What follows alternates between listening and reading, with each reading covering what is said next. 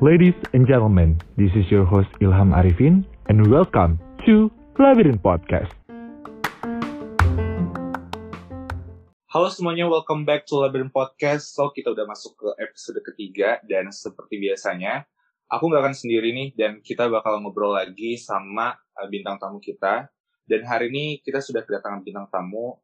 Aku bakal ngasih dia kesempatan untuk memperkenalkan diri terlebih dahulu karena ya seperti kata pepatah tak kenal maka tak sayang. Jadi silahkan perkenalkan diri Anda. Oke, halo semuanya. Aku Aulia Andriani. Kalian bisa panggil aku Aulia. Jadi sekarang aku kuliah di Universitas Erlangga, jurusan Gizi. Wah, halo Aul, Halo. Waalaikumsalam. So, Aul ini adalah teman sekolah aku, jadi kita ini udah sudah kenal lama banget selama ya 50 tahun kali ya Ul ya. Oh Udah ya, lama 50 banget. tahun ya, oke. Kita udah kita satu sekolah SMA dan kita sekolah selama 2 tahun. Eh, jadi Aul ini sekarang udah kuliah di Universitas Airlangga jurusan Ilmu Gizi. Oke. Aul, apa sih kegiatan kamu di masa pandemi COVID yang nggak tahu udah season berapa nih? Kalau di drakor pasti udah season. Aduh. Ya, nggak tahu udah season berapa. Kegiatan aku kalau sekarang lagi libur karena baru selesai UAS minggu lalu, jadi sekarang masih menikmati awal-awal liburan. Oke, jadi sebelum kita bahas tentang dunia kuliah, kita bakal flashback dulu nih masa-masa SMA. Karena kan kita sekelas nih, dan pastinya Mm-mm. kangen banget gak sih, walaupun belum genap setahun, pastinya kangen banget sama momen-momen SMA. Nah, kalau dari Aul sendiri, apa aja sih momen yang bikin kamu kangen sama masa SMA? Kalau aku sendiri ya menurut aku justru yang paling ngangenin itu pas akhir-akhir kita sekolah ya karena kan kita pas terakhir sekolah itu bener-bener tiba-tiba langsung lagi tengah-tengah ujian jadi besoknya dikabarin eh, nggak boleh sekolah lagi karena tiba-tiba mulai ada kasus eh, pandemi ini kan jadi Iya. paling inget karena hari terakhir sekolah itu hari ulang tahun aku weh terus juga kalau pas semester 2 kelas 12 kemarin tuh banyak banget kenangan-kenangan yang berkesan. Salah satunya tuh aku sama Ilham dan teman-teman lain juga waktu itu pas Februari pergi ke konsernya Dito di Balikpapan. Jadi itu Hmm. konser uh, offline terakhir lah ya di Balikpapan. Dan setelah konser itu bener-bener kayak lima menit setelah konser selesai langsung hujan deras banget dan akhirnya kita semua kejebak di situ.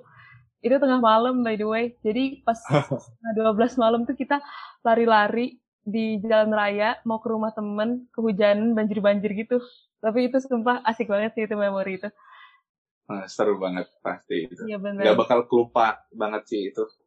Terus ada lagi nggak lo? ada juga sebelum kita sibuk dengan ujian dan lain-lainnya itu kita sempat ngadain project kelas. Jadi kita project seni budaya terakhir itu bikin acara. Jadi kita bikin drama musikal sekelas. Sumpah itu drama musikal itu paling-paling berkesan dan paling ngebuat bonding kita kuat banget sih menurut aku. Malah aku pikir eh, kemarin waktu drama musikal itu yang Mhm. salah satu momen yang bikin kita jadi klop banget gitu loh, saling iya ngerangkul. banget. Yang awalnya kayak berkubu-kubu, malah kita jadi satu gitu lah dengan nama kelasnya enggak sih? Aku ngerasa gitu sih. Kalau aku gimana? Iya bener, aku juga ngerasa kayak eh, yang awalnya kita eh, udah kenal tapi belum deket, tiba-tiba pas di situ kayak bener-bener nyampur aja gitu, nggak ada lagi yang kayak aku deketnya cuma sama Ilham, misalnya aku deketnya cuma sama ini gitu, nggak ada lagi yang kayak gitu. Bener-bener Iya sih, banget keren itu. banget. Kangen SMA nggak sih, aduh. Kangen parah, kangen parah. Belum setahun nih, astaga. Sekarang Mhm. udah kuliah aja, udah masuk ya semester kedua kuliah. Oke, Mhm. terus Aul gimana kemarin? Keputusannya kan udah fix, berarti ada kepikiran untuk kuliah. Berarti cuma kepikiran untuk kuliah kemarin. Mm. Nah. Iya bener. Itu kemarin eh, pastinya awal step awal itu kan SNMPTN. Aul itu daftar apa di SNMPTN? Hmm, jadi tuh aku pas awal-awal mau kuliah itu emang udah kepikiran eh, udah kepikiran aku bakal lanjut kuliah. Tapi aku masih bingung eh, ilmu apa yang pengen aku dalemin pas kuliah karena aku tertarik banyak hal. Jadi SNMPTN tuh aku bener-bener eh ini jangan dicontoh ya aku bener-bener mikir ngeliat dari peluangnya aja. Jadi kayak oh ini peluangnya lumayan ini peluangnya lumayan. Dan aku belum kepikiran apa yang aku sebenarnya mau. Dan itu Hmm. pokoknya jangan pernah dicontoh ya guys karena bakal nyesel banget kalau kalian milih yang sesuai peluang doang tapi pas kalian jalanin ternyata kalian nggak suka. Itu bener-bener bakal sulit banget di perkuliahan. Jadi aku waktu itu milihnya uh, milih unair juga. Milih unair farmasi sama uh, UB bioteknologi. Ya benar itu. Dua itu. Itu random banget tuh pas kalau Ilham milih apa waktu itu? Oh kalau aku sama jurusan sekarang? Beda. Kalau aku kemarin hmm. nah menarik. Aul kan ada bilang tuh kalau misalnya SNMPTN kemarin tuh milihnya karena ngelihat peluang. Aku juga yeah. orang yang sama seperti Aul. Aku melihat peluang kalau misalnya wah aku bakal masuk nih di jurusan ini karena melihat beberapa uh, sesuatu yang aku miliki kayak misalnya prestasi dari nilai. Aku kemarin milihnya teknik lingkungan Universitas Berwijaya. Uh, Dan iya, iya. sekarang kan aku kuliahnya di teknik industri itu kan beda banget tuh ya. Maksudnya kayak beda jurusan dan alhamdulillah jurusan yang sekarang aku enjoy banget sih dan kemarin nggak keterima SNMPTN salah satu apa ya mujizat Tuhan biar aku nggak kecemplung dengan uh, jurusan yang salah gitu loh daripada aku nggak iya, enjoy. Bener banget, bener, bener, bener. Mm.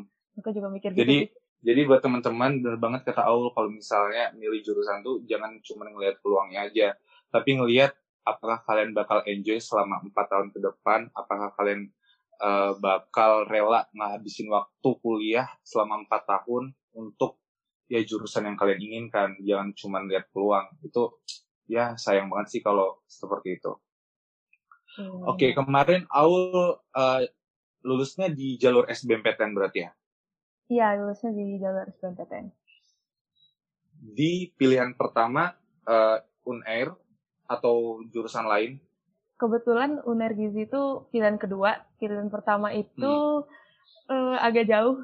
Ya aku pilih pertama itu ITB SAPPK. Oh berarti sekolah ini ya arsitektur? Iya benar-benar. Nah kenapa Aul memilih sekolah arsitektur? Sedangkan hmm. SNMPTN kan kemarin milihnya farmasi. Itu kan beda banget. Arsitektur itu teknik, sedangkan farmasi itu lebih ke bidang kesehatan. Kenapa kayak gitu? Jadi awalnya itu aku bener-bener pas SNMPTN itu kan kayak ngeliat peluang ya. Jadi aku belum fokus sama minat dan apa yang bakal aku pelajarin itu belum belum tahu gitu maunya apa.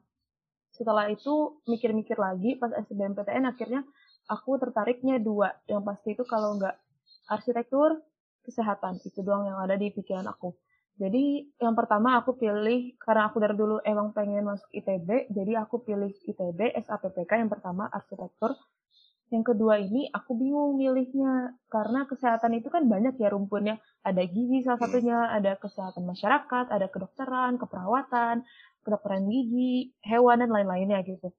Uh, biasanya orang kalau tertarik kesehatan pasti utamanya tertarik kedokteran ya. Jadi aku tertarik kedokteran awalnya Terus aku mikir kalau misalnya aku milih yang pertama arsitektur ITB terus kedokteran, waduh bener-bener kayak aku tuh waktu itu masih takut gitu nggak bakal keterima kan. Jadi akhirnya aku cari-cari research lagi dan akhirnya aku ketemu Gizi terus aku juga uh, tahu kalau Unair itu terkenal dengan jurusan kesehatannya akhirnya aku pilih di Unair Gizi gitu dan alhamdulillah sekarang ya. sudah jadi mahasiswa di Universitas Erlangga, alhamdulillah. Ya, alhamdulillah. Terus Mandiri kemarin sempat daftar nggak, Al? Mandiri? Mandiri sempat daftar beberapa, dan emang fokusnya cuma uh, jurusan dua itu, kalau nggak arsitektur kesehatan gitu. Terus hmm. Mandiri hmm. kemarin. Daftarnya di kampus apa aja tuh Mandiri? Wah, kalau Mandiri ini kita karena bisa berapapun, jadi ada beberapa sih ya, ada kayak UNER juga aku sempat daftar mandirinya. Terus juga hmm. uh, eh, ITB aku juga daftar mandirinya UGM, UI, uh, eh, apa lagi ya? Waduh. Waduh, iya. apa ya? UB juga ada deh kayaknya. Kayaknya itu deh. Itu. Oh iya. Berarti oh, banyak banyak daftar mandiri juga ya sebagai backupan gitu. Amit-amit iya, daftar SBMPTN. Hmm. Mm Oh ya, kan Aul ada singgung tuh tadi karena suka banget sama ITB. Kenapa Aul suka sama ITB? Wah, aku suka sama ITB tuh kayaknya terpengaruh juga sama ayah aku yang lulusan ITB. Jadi karena ayah aku lulusan ITB, jadi kalau cerita pasti tentang pengalaman kuliah di ITB gitu kan. Terus lama-lama jadi kayak ih asik ya ternyata dan karena ayahku juga alumni situ, aku dulu pernah ke ITB sekali kayak ke kampusnya gitu oh. gitu kan. Jadi pas hmm. ke kampus itu ngerasa kayak ih lingkungannya itu asik banget gitu. Jadi aku tertarik banget ITB gitu ceritanya. Wah, keren, keren, keren. Oke. Okay. Oh ya, bukannya kemarin uh, Aul pengen uh, lanjutin setelah SMA, lanjut kuliah itu di luar negeri. Di India bukan sih? Waduh, Gimana, Aul? Bukan India ya, uh, teman-teman semua. Aku tertariknya di Kanada kemarin itu. Oh, di Kanada? Iya, Kanada. India. Kenapa, kenapa Kanada? Kenapa Kanada? Hmm, tadi tadi aku udah mention juga kenapa aku suka ITB karena lingkungannya kan ya. Jadi aku tuh suka banget ngeliat lingkungannya terlebih dahulu. Jadi aku ngeliat hmm. Kanada itu alamnya bagus, terus kayak lingkungannya tuh uh, bagus gitu kan dan aku suka. Jadi karena itu aku mulai kayak cari-cari dan ternyata di situ ada uh, beberapa uh, univ yang top-top juga gitu kan. Terus juga selain itu aku uh, karena itu pendaftaran ke luar negeri itu sebelumnya lagi dari SNMPTN, jadi pas waktu itu aku masih punya mimpi yang berbeda juga. Aku waktu dulu pengen masuk astronomi, dan di Indonesia cuma ada di ITB. Terus hmm. jadi aku mikir aku bakal keluar negeri, ketemu Kanada dan universitas-universitasnya yang punya pilihan itu, coba daftar. Alhamdulillah keterima, tapi nggak aku ambil karena satu dan lain hal gitu. Jadi akhirnya aku tahu passionku apa. Ternyata astronomi itu aku emang tertarik, tapi gak pengen aku pelajari lebih dalam gitu di perkuliahan. Jadi aku akhirnya ngambil jurusan yang aku sekarang ini gitu. Ya, berarti kemarin sempat cari program beasiswa di luar negeri kan? Benar, aku ngambil beasiswa dari kampusnya gitu. Hmm. Oh ya, kan uh, sependengaran aku kalau misalnya kita mendaftar beasiswa di luar negeri, salah satu poin yang dicari itu adalah nilai dari ujian nasional. Sedangkan angkatan kita nggak ada ujian nasional. Aku tahu nggak hmm. apakah ujian nasional berpengaruh banget nih di tahun 2020 kemarin? Kan nggak ada ujian nasional tuh di negara Indonesia. Apakah berpengaruh sama beasiswa yang akan didapatkan oleh uh, mahasiswa Indonesia yang akan kuliah di luar negeri? Nah, ini saran dari aku yang udah pengalaman aneh ya, udah pengalaman daftar juga dan alhamdulillah dapet juga. Waktu itu tuh karena kita dia kan tahu ya kalau misalnya pilihannya kan di situ kita bakal masukin nilai UN tuh misalnya. Dia tahu kalau hmm. ujian di negara kita itu pasti around April gitu kan atau around Mei gitu kan ujian nasional harusnya. Jadi mereka pas awal pendaftaran itu mintanya lebih fokus ke uh, nilai-nilai rapor kita, nilai-nilai rapor kita sama nilai uh, tes bahasa Inggris antara TOEFL atau IELTS gitu kan. Hmm. Jadi itu yang paling difokusin. Dan kalau misalnya mau daftar beasiswanya yang dari kampus itu ataupun dari luar yang paling difokusin itu uh, essay gitu. Nanti bakal ada pertanyaan-pertanyaan di essay. Jadi untuk nilai UN itu sebenarnya menurut aku sebagai pelengkap aja ya. Jadi uh, fokus aja belajar di selama kamu uh, di sekolah biasa gitu. Kalau UN itu nanti sebagai pelengkap doang. Oke. Berarti ujian nasional itu cuma sebagai pelengkap buat dapat beasiswa full gitu kali ya? Iya, benar. Hmm, Oke. Okay. Nah, pastinya setelah semua rencana yang Aul siapkan, kan kita cuma bisa berencana dan Tuhan yang berikan uh, kepastiannya kan. Dan amit-amit nih, pasti ada dong kepikiran kalau misalnya nanti nih udah daftar sana sini, terus tuh misalnya gagal semua dan pastinya berujung gap year. Dan mm yang aku mau tanyain, what's on your mind about gap year? Gimana tuh? Kalau kita nggak bahas gap year ya, jadi uh, menurut aku gap year itu, menurut aku pada 2020 ya, menurut aku pada pas lagi penerimaan-penerimaan ini, aku di masa lalu, gap year itu adalah sesuatu yang aku takutkan. Karena aku takut banget nggak bisa ngelanjutin kuliah atau aku nggak bakal diterima di mana pun dan aku kehilangan motivasi gitu lah ya kayak mempelajari apa pun toh aku nggak diterima juga gitu kan mikirnya pasti juga sih orang-orang lain pasti pada nggak expect buat aku bakal gap year aja ah gitu kan nggak nggak ada ya orang yang kayak gitu iya benar terus? Ataupun ada ya eh, kalau yang ada sebenarnya nggak apa-apa juga sih. Dan aku setelah aku udah dapet universitas udah ngejalanin perkuliahan selama satu semester ini ternyata gap year itu uh, bener-bener nggak apa ya nggak berarti gitu lah maksudnya uh, kamu pernah gap year maupun kamu nggak pernah gap year itu nggak bakal efek di perkuliahan kamu. Karena hmm. orang nggak bakal nanya pas kamu jadi maba kayak kamu dulu gap year yang nggak bakal ada sama sekali temen kamu yang nanyain gitu. Apalagi dosen ngapain? Ya kan kayak Bener. gabut banget dosen yang nanyain gitu. Gak penting banget. Nah iya. Jadi uh, aku malah uh, jadi respect sama orang-orang yang berani gap year ataupun yang emang dari awal udah memutuskan aku mau gap year dulu. Karena aku pas waktu pemilih uh, pemilihan aku pas waktu penerimaan penerimaan itu kan masih bingung mau apa mau apa dan untungnya akhirnya menemukan di akhir-akhir pendaftaran itu aku maunya apa sebenarnya dan sekarang di sini. Nah orang-orang yang gap itu kan pasti mereka bisa memikirkan lagi mereka tuh maunya apa dan mereka mengembangkan diri apa. Dan di situ tuh aku respect banget sama orang-orang yang berani untuk mencari dirinya dulu sebelum mengambil langkah yang paling benar gitu. Jadi menurut aku gap itu uh, untuk kalian yang gap year jangan pernah takut buat ngerasa kalian bakal lebih rendah atau apa itu sama sekali nggak benar gitu benar banget sih setuju kalau aku malah pandangan aku sendiri malah uh, misalnya kan gap year satu tahun nih bahkan hmm. bisa dibilang satu tahun ini uh, kan gak ada yang tahu tuh bisa aja Tuhan merencanakan satu tahun ini menjadi satu tahun yang sangat berharga gitu bagi kamu kamu misalnya nggak hmm. dapat kuliah tapi misalnya kamu ikut kepanitiaan kamu ikut bimbel ini dan itu nggak hmm. akan bisa didapatkan dengan orang yang kuliah di tahun ini kamu mendapatkan dan ya apa pun yang terjadi tetap bersyukur aja sih sama yang diberikan Tuhan ya nggak sih? Ya. Iya benar. Oke, okay. jadi sekarang kan udah selesai uas nih, udah kelar belum uasnya? Udah ya? Alhamdulillah udah, baru minggu lalu kelarnya. Alhamdulillah, jadi tinggal nunggu nilai ya sih? Iya bener, deg-degan banget nunggu nilai ini. Duh. Nah, jadi kan selama satu semester, kan udah satu semester nih udah uas, walaupun online, pastinya kamu udah ngerasain dong kayak hiruk pikuk bener gak sih nyebutnya hiruk pikuk iya, kuliah? Iya, pikuk. Hiruk pikuk hmm. kuliah gimana dan uh, aku mau nanya ekspektasi kamu terhadap kuliah itu gimana dan relate nggak sama ekspektasi kamu? Walaupun oh, online ya. Iya benar, ekspektasi sama realita ya. Kalau dari hmm. ekspektasi yang paling yang paling banyak ekspektasiin itu pasti orang-orang mikir kayak uh, kuliah asik deh kayaknya lebih bebas dari SMA itu yang pertama ekspektasi yang pertama. Terus yang kedua juga uh, kalau kuliah nanti pasti banyak waktu lowong. Jadi aku bisa ngelakuin berbagai hal. Misal aku mau part time aku mau uh, organisasi aku mau bla bla bla bla gitu. Oh, terus benar. juga uh, uh, itu ya tadi ekspektasinya. Jadi realitanya itu menurut aku yang pertama benar. Uh, kuliah itu lebih bebas daripada masa sekolah SMA gitu misalnya.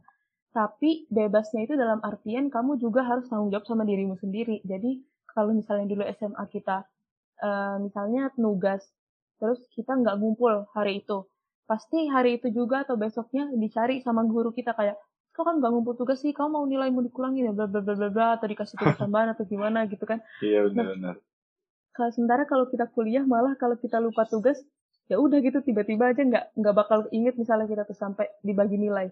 Tahunya pas akhir semester dibagi nilai nilai kita C. Terus kita mikir lagi emang aku ada lupa ngerjain tugasnya? Ternyata dua bulan yang lalu tugasnya nggak dikerjain. Itu bener-bener nggak bakal di kamu nggak bakal dicariin sama dosen kayak kamu diemong sama guru-guru SMA-mu gitu lah bebas iya. nggak bebas gitu. Yang kedua tadi oh yang kedua tadi aku bilang kayak banyak kesempatan gitu emang bener banyak banget kesempatan selama kita kuliah. Banyak volunteer atau organisasi atau kepanitiaan yang mempersyaratkan uh, kamu semester berapa atau kamu anak kuliah gitu kan. Tapi uh, kalau kita nggak pinter bagi waktu karena bebasnya kita tadi itu uh, bakal susah juga kita untuk join di peluang-peluang yang ada itu. Jadi harus pinter-pinter bagi waktu sih. Gitu ya. Mm -mm. oke. okay. Uh, jadi kan Aul sekarang udah ini udah kuliah dan kebetulan kemarin keterima di pilihan kedua. Ada nggak kemungkinan kalau misalnya Aul bakal coba UTBK lagi tahun ini untuk mengejar sekolah arsitektur ITB lagi? Ada nggak gitu? Hmm, kemungkinan ya. Hmm. Uh, sebenarnya belum kepikiran, maksudnya belum fix gitu apakah mau nyoba lagi tahun ini atau enggak. Tapi kalau mimpi ada, nyesuaiin jadwalnya belum jadi belum ada belajar atau apa pun itu belum sempat jadi ya kita ngeliat aja nanti kalau Ilham gimana Ham? Kalau aku untuk mm -hmm. lagi ya mm -hmm. uh, sama sih sempat kepikiran juga karena uh, kebetulan kan masih online kan kuliahnya belum gimana ya belum terlalu berat lah belum terlalu secapek offline yeah. dan selama masih ada kesempatan untuk bisa mendapatkan yang lebih baik lagi, ya kayaknya bakal coba sih, insya Allah. Hmm, benar-benar. Cuman nothing tulus saja, kalau misalnya nggak keterima, ya emang bukan jalannya. Berarti ya kuliah di jurusan dan kampus yang sekarang adalah yang terbaik bagi untuk kita kan gitu. Nah iya benar. Oke. Nah, jadi kan tahun 2020 nih berat banget kan ya pastinya kayak Hmm. kita nggak expect bakal ada yang namanya COVID-19, kayak nggak akan ada yang namanya eh semuanya serba online. Ada nggak sih sesuatu yang kamu syukurin oh di tahun 2020? Tahun 2020 yang aku syukurin eh, banyak ya yang harus disyukuri. Hmm. Eh, salah satunya adalah berteman dengan Ilham. Eh ya. Alhamdulillah. Hai, Aduh besar nih kepala Eh. nih, besar nih kepala. Waduh, aku bersyukur banget eh, bisa lebih dekat sama teman-teman pas 2020, eh, teman-teman SMA, karena pas akhir-akhir itu kita bondingnya lebih kuat justru dari sebelum-sebelumnya. Terus ya aku bersyukur banget sih bisa eh, alhamdulillah ngerasain kuliah dan berbagai kesempatan yang ada. Dan bersyukur juga masih bisa bertahan walaupun berat sampai 2021 ini gitu. Ya, oke. Kalau Hmm. Ilham gimana? Apakah banyak yang disyukuri di 2020 atau apa aja tuh yang disyukuri di 2020? Eh, kalau aku sendiri sih banyak banget sih, walaupun suasananya sekarang masih nggak tentu kan karena pandemi, apalagi dimulai dari 2020. Salah satu yang aku syukuri ya kemarin sih nggak dapet di SNMPTN itu menurut aku salah satu berkat yang Tuhan berikan. Karena kalau misalnya aku terima di SNMPTN dengan jurusan yang eh, aku tahu aku nggak bakal enjoy di jurusan ini, bakal tertekan selama empat tahun, aku bersyukur banget kemarin ketolak di SNMPTN dan alhamdulillah terima di SBMPTN. Sama ini Hmm. sih, kan kemarin selama mempersiapkan eh, UTBK, aku kan belajarnya lewat lewat ini ya, ada Twitter juga dan Ah ya. menurut aku dengan menemukan salah satu komunitas yang namanya Ambis First itu membuat aku bersyukur banget sih kalau misalnya aku dapat SNMPTN aku nggak bakal tahu yang namanya Ambis First dan nggak bakal kenal orang-orang yang luar biasa salah satunya Zah Hmm. ada Zahid ada eh, yang terkenal tuh Zahid ada Kak Fauzan juga yang bersyukur banget bisa tahu orang-orang se open minded mereka dan Zahid dia seumuran kita tapi dia punya luar, prestasi yang luar biasa, pemikiran yang luar biasa dan itu Iya. menjadi berkat aku di 2020 sih bisa tahu mereka semua. Itu sih kalau aku. Dan salah satunya bisa buat labirin podcast kan karena COVID. Kalau misalnya mungkin kalau misalnya nggak ada COVID, aku nggak bakal bisa buat podcast kan. Salah satu ya syukuri aja lah gitu. Alhamdulillah. Oke. Kan udah masuk 2021 nih. Eh, kalau Aul sendiri, sendiri, what is your resolution in this year? Hmm, jadi aku berkaca banget dari tahun lalu. eh, selain banyak hal yang disyukuri, pasti banyak banget eh, yang gak disangka-sangka dan banyak banget penyesalan di tahun 2020 itu karena tiba-tiba banget ada pandemi COVID dan kita jadi banyak rencana-rencana yang udah kita eh, mungkin kita atur atau kita punya harus di cancel gitu kan ya.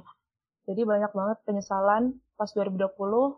eh, so resolusi aku dari 2021 itu untuk eh, nggak ada lagi penyesalan-penyesalan yang lebih banyak gitu. Amin, amin, amin, amin. Hmm. Semoga tahun ini eh, sebagai tahun pengobat lah di 2020 ya. Semoga Ya, ini bisa amin. Better than 2020 dan kita bisa lebih produktif lagi karena 2020 kan kita dibuat di rumah aja nih. Jadi kayak Iya. kita mau ke mana-mana, mau hangout, mau bakar-bakar di rumah Olin. Jadi Iya kayak bener. aduh kangen banget bakar-bakar di rumah Olin.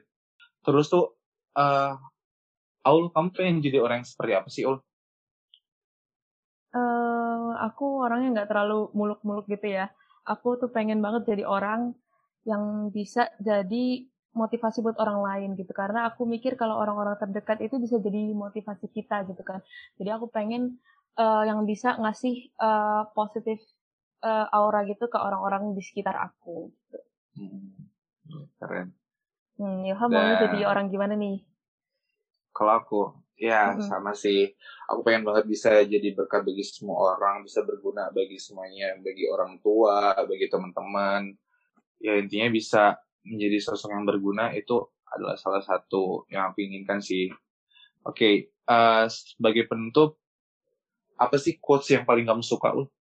Yang benar-benar kayak kamu tanamkan banget dalam diri kamu atau kamu tanamkan setiap kamu menghadapi masalah. Ada nggak? Hmm, kalau quotes sih, uh, aku sering banget ngomong ini ke beberapa teman-teman aku ya kalau misalnya lagi uh, lagi nggak semangat gitu lah ya pokoknya aku hmm. sering banget ngomong uh, quotes ini. Jadi quotesnya itu if you get excited, you win. If you get nervous, you lose. Jadi kalau misalnya kamu khawatir, kamu bakal kalah. Tapi kalau kamu uh, excited, kamu bakal menang gitu. Wow, keren banget. Wah, Aul, terima kasih banyak sudah hadir di Labirin Podcast dan sudah memberikan quotes terbaiknya sebagai penutup.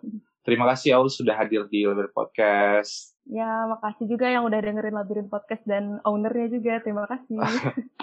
Semoga di 2021 ini semua keinginan kita terwujud. Semoga IPK-nya 4 ya, Ul. Aku tunggu IPK 4. Waduh, amin, amin deh. Amin, amin banget, amin banget. Oke teman-teman semuanya, terima kasih telah mendengarkan episode kali ini. Assalamualaikum warahmatullahi wabarakatuh.